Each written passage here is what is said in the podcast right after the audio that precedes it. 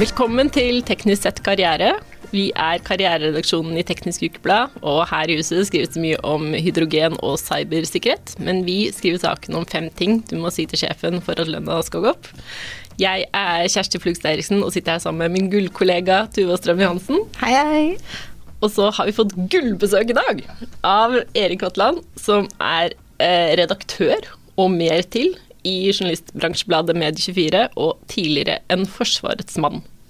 Eh, kan du fortelle litt om hva som er jobben din nå? Ja, det kan jeg. Tusen takk for at jeg ble kalt gullmann, det er veldig hyggelig. Eh, nei, altså jeg, jeg, har jo bakgrunn fra, fra Forsvaret, jobber med presse og informasjon eh, i, i Forsvaret, eh, og var der i ja, fire år. da, Med liksom alt fra sklidd inn liksom bakveien som eh, vernepliktig journalist og gikk liksom stegene inn der, så, så jeg har liksom bakgrunn derfra.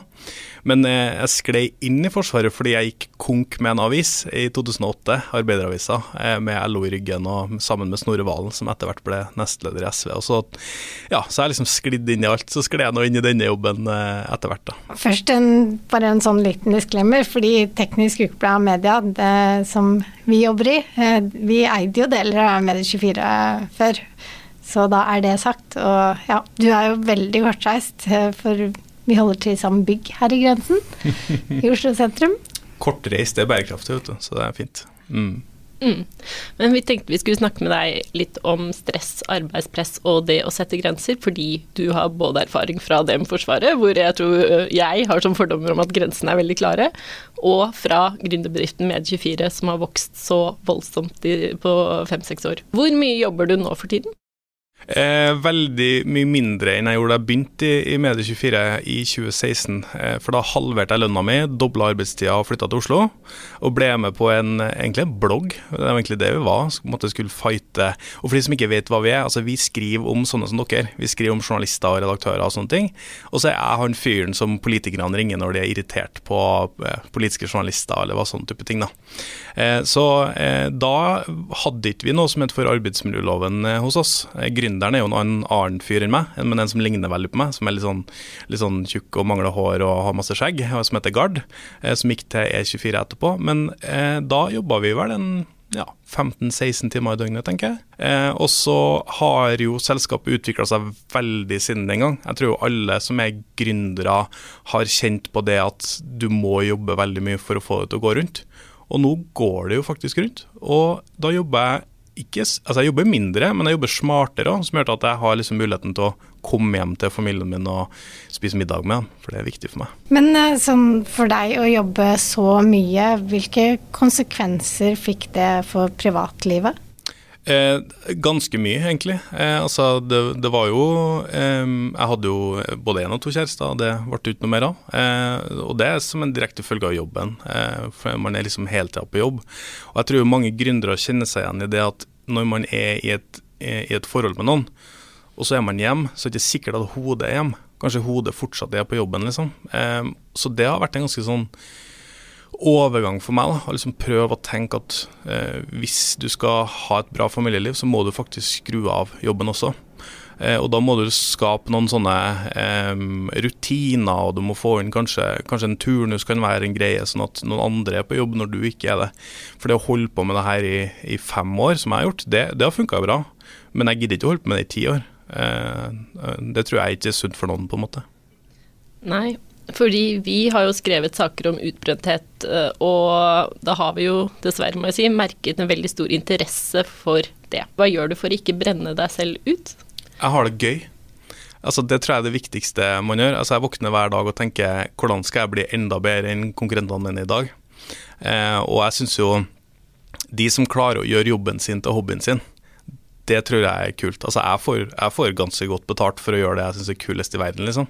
Og det er det som motiverer meg hver eneste dag. Fordi at hvis du hvis jeg hadde eh, jobba i et selskap og kjent at det her egentlig bare Det her orker jeg, liksom. Det her er bare sånn minste innsats hele tida og kjenner at det liksom Det begir meg ingenting. Da hadde ikke jeg gidda. Eh, sånn at det, det betyr mye for meg å ha det artig på jobb. Eh, gjør det, og det har jeg. Eh, og hvis jeg ikke har det artig, så er det jo jeg som eier bedriften og sjefen, så jeg kan jo bare endre på oppgavene mine. Så, så jeg har jo en oppgave nå som jeg syns er utrolig kjedelig, som er administrasjon. Altså, det er altså jeg er, jo, jeg er jo langt ute på den kreative delen. Jeg er ikke så veldig logisk anlagt. Så, så det å sitte med bilag og remittering og kontering, og jeg tror alle liksom, som jobber med HR kan kjenne seg igjen i det det er ganske kjedelig. Så nå er jeg ansatt en office manager, så nå skal jeg, åh, det blir deilig. Dette med utbrenthet, altså årsaker til utbrenthet, det kan være lite kontroll over egen arbeidshverdag, uklare forventninger, dårlig arbeidsmiljø og dårlig balanse mellom arbeid og fritid, og så i tillegg til at man har et veldig stort engasjement for jobben sin. Um, hva gjør du uh, for å unngå å være en leder som ikke skaper et sånt miljø? Eh, først og fremst så er jeg ekstremt opptatt av ledelse, eh, og jeg bruker det her eh, Jeg bruker alle mine dårlige lederopplevelser. Altså jeg har hatt, Alle kjenner igjen i det. Vi har hatt dårlige ledere, og vi har hatt gode ledere.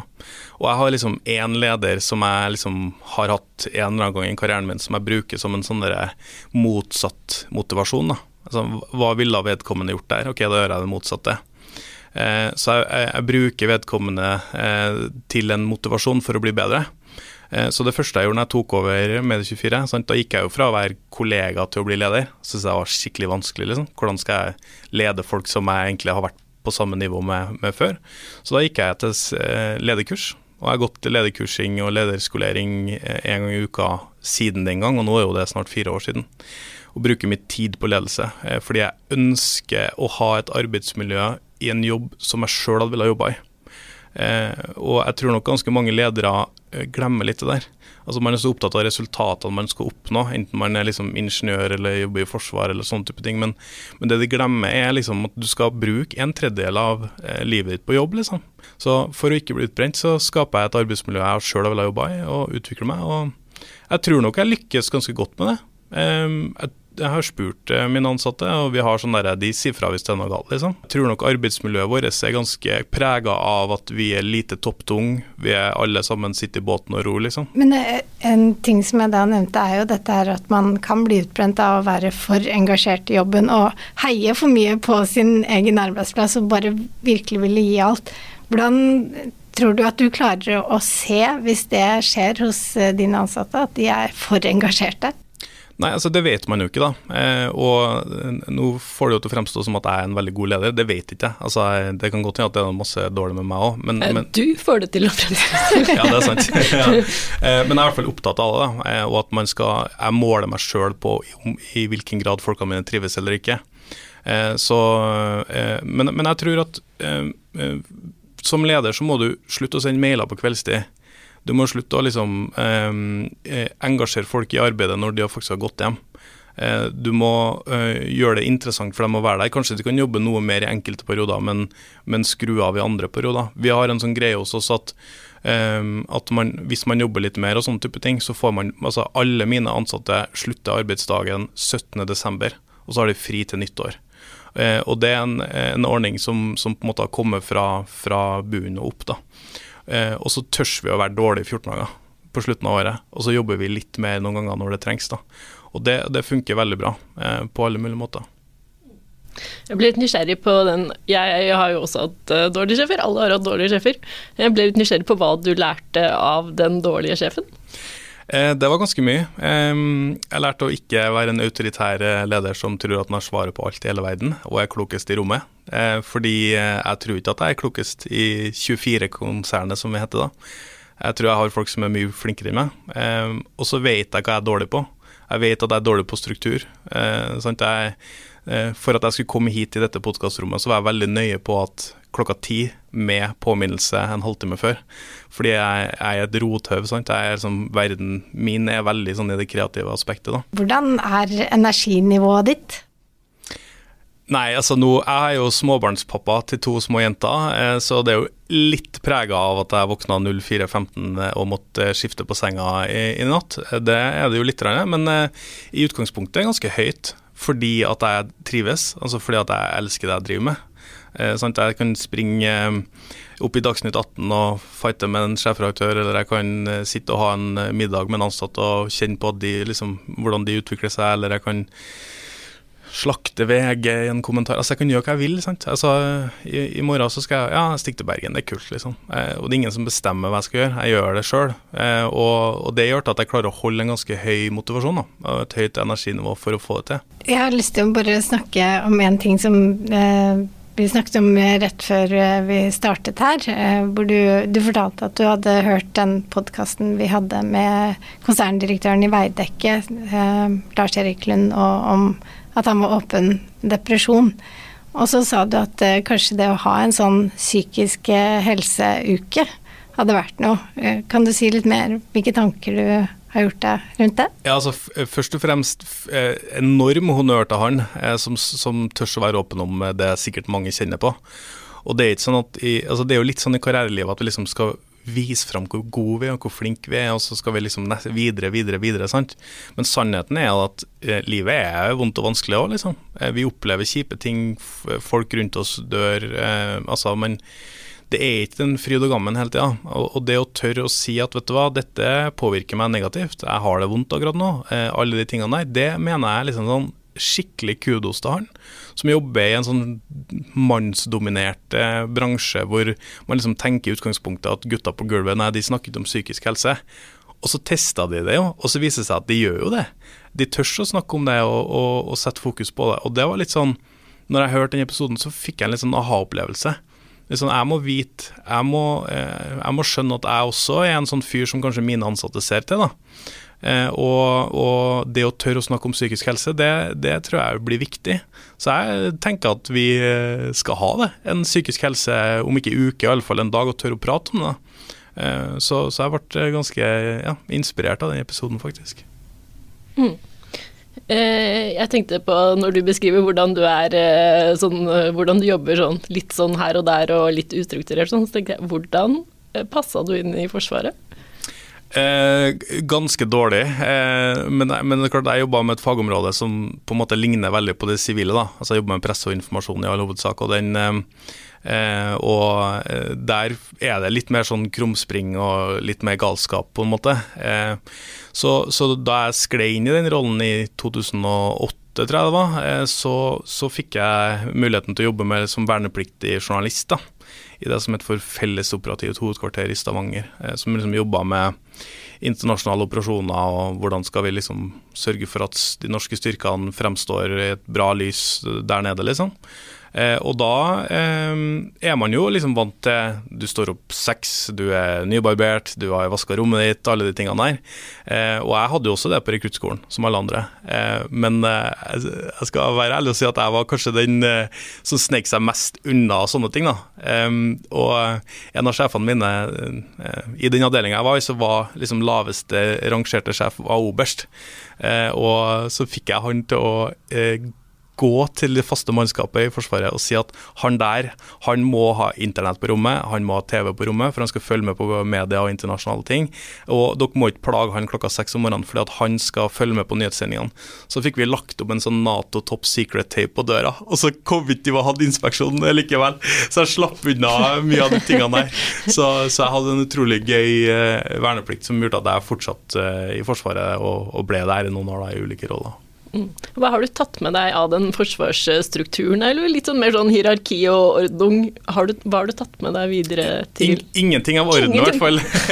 Nei, altså, jeg, jeg, lurer på om altså, Alle kjenner igjen i det som har jobba i store strukturer. Sant? Jeg jobba også i NRK i, i flere år eh, og var, eh, hadde ulike roller der. Eh, og, og, det jeg la merke det jeg lærte i Forsvaret, det er at sjøl om noe er strigla sånn skal det være, så er det ikke sikkert det trenger å være sånn jeg klarte å vigle meg litt sånn inn og finne min rolle likevel, og få det tilpassa sånn som jeg ville at det skulle være.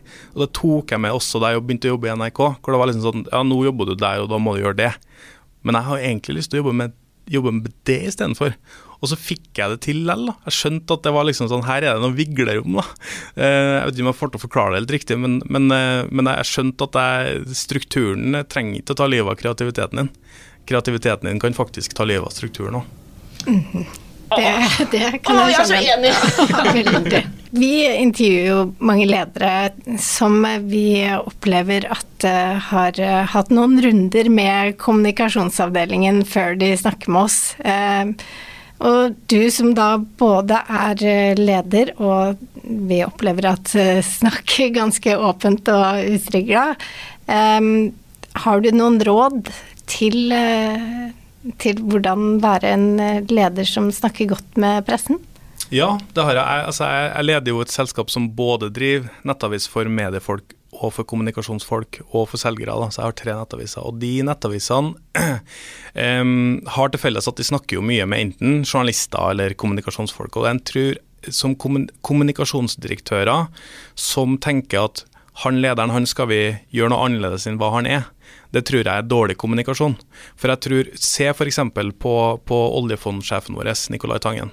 Eh, han er jo fullstendig ustrigla, men har beklær en av de viktigste rollene i denne nasjonen, på en måte. Eh, og for de som så han holde foredraget foran NHH, når NHH-sjefen spør liksom, hva tenker du om strategien vår, så sier han den er skitdårlig. Foran alle studentene, og han er seg sjøl 100% Hva er effekten av det? Jo, i kommunikasjonen så er jo det du får høy tillit til han, for han er den han er. Sant? Han driver ikke og sminker det. Og jeg tror mange eh, toppledere som eventuelt hører på den podkasten, kan lære av det. Det er liksom tør å være deg sjøl.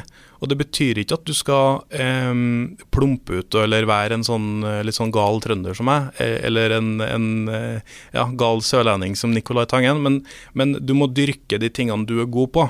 Eh, og så tror jeg en annen ting, det skinner gjennom om du lyver. Altså Det skinner gjennom om du ikke er deg selv. Folk hører det. Eh, og er det så viktig da om du fremstår så strigla eller sånn eller sånn?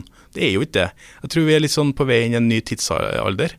Og så en annen ting. Eh, vi, eh, denne podkasten eh, fighter like mye om tida til folk som Netflix gjør.